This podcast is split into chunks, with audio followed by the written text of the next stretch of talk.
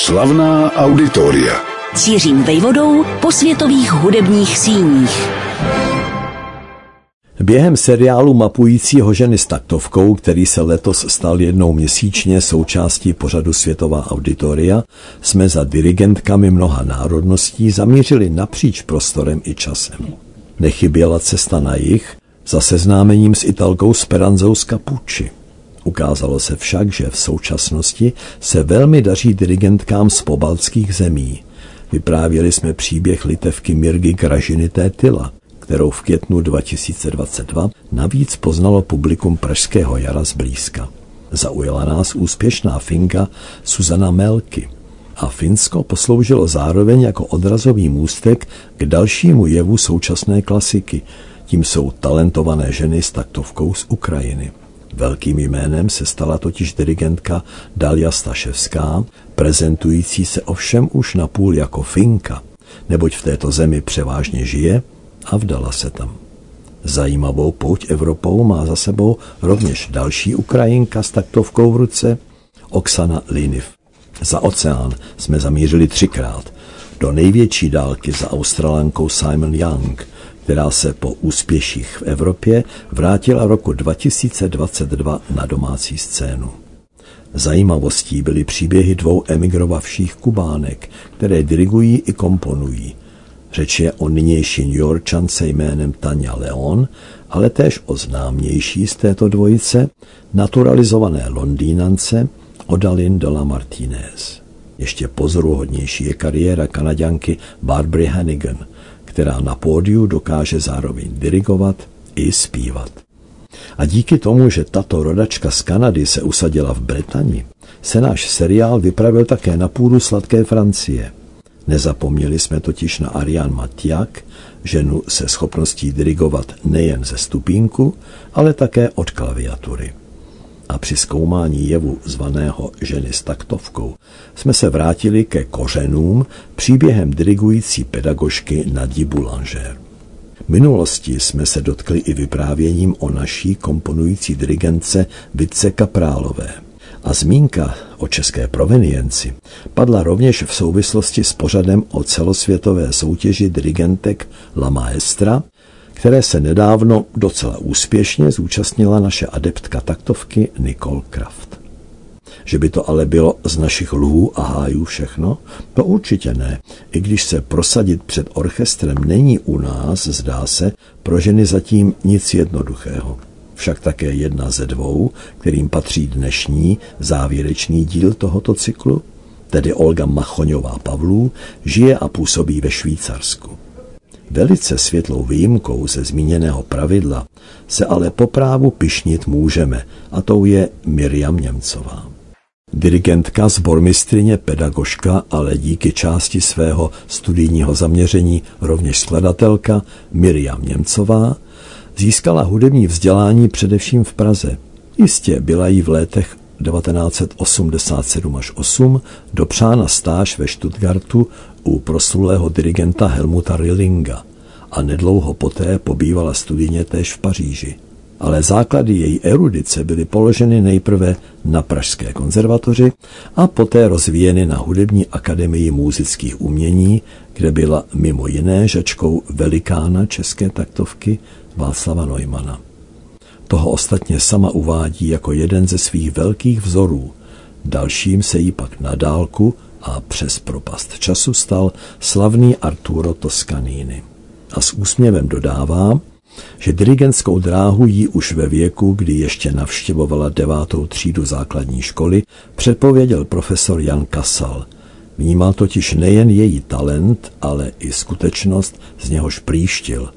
A tím bylo rodinné hudební zázemí.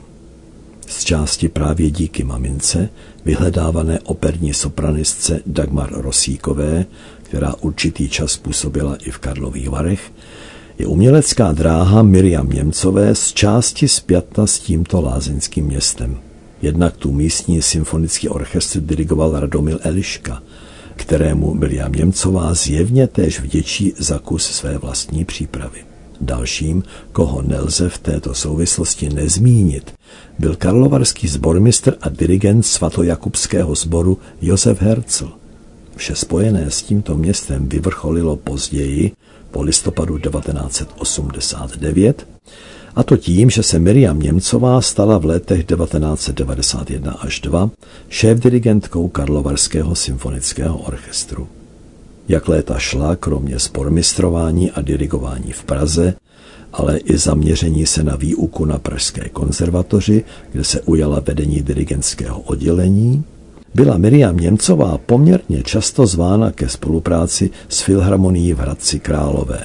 Když se za touto činností, která určitě ještě neskončila, sama ohlíží, připomíná vedení orchestru při Orfově Karmině Buráně, Štrausově Donu Juanovi, ale i Dvořákově Novosvětské či Svatební košily. A dodává, že výjimečný vztah má i k jeho Rusalce, už proto, jak výtečně ji svého času stvárnila na jevišti její maminka Dagmar Rosíková. Svým studentům a studentkám vštěpuje Miriam Němcová do hlavy klíčovou zásadu, která zní zhruba takto. Dirigování není žádná alchymie. Jedná se o spojení řady prvků, samozřejmě talentu, ale i přípravy, způsobu nácviků, zkoušení s orchestrem, chování se k hudebnicím a hudebníkům, předávání energie, nezbytné autority, ale zároveň pokory a lásky k hudbě. Konec citátu. Mluvím-li o Miriam Němcové, ročník 1961, v souvislosti s prošlapáním dirigentské cestičky pro ženy, pak lze za jednu z jejich následnic na této cestě považovat její o generaci mladší kolegyni jménem Olga Machoňová Pavlů. Její příběh v sobě mimo jiné odráží právě skutečnost, že díky tomu, v jakém věku ji zastihl listopad 1989, se mohla vydat do světa legálně, volně, svobodně. Což ale neznamená, že uplatnit se v něm je snadné. Studijní záběr Olgy Machoňové Pavlů byl na Pražské konzervatoři 80. let minulého století opravdu široký. Studovala nejen hru na klavír a skladbu, ale taky dirigování, zbormistrování a dokonce ještě zpěv. Kdo ví, čemu se chtěla po studiích věnovat, dost možná to tehdy ještě netušila ani ona sama jakož i skutečnost, že záhy poté, co se otevřely hranice, přeruší v roce 1991 svoje pražské studování a vydá se do Evropy. S tím, že zakotví v Bazileji, kde nejenže bude ve svém hudebním vzdělávání cílevědomě pokračovat, ale také se tam usadí na pořád. Najde tam svůj domov.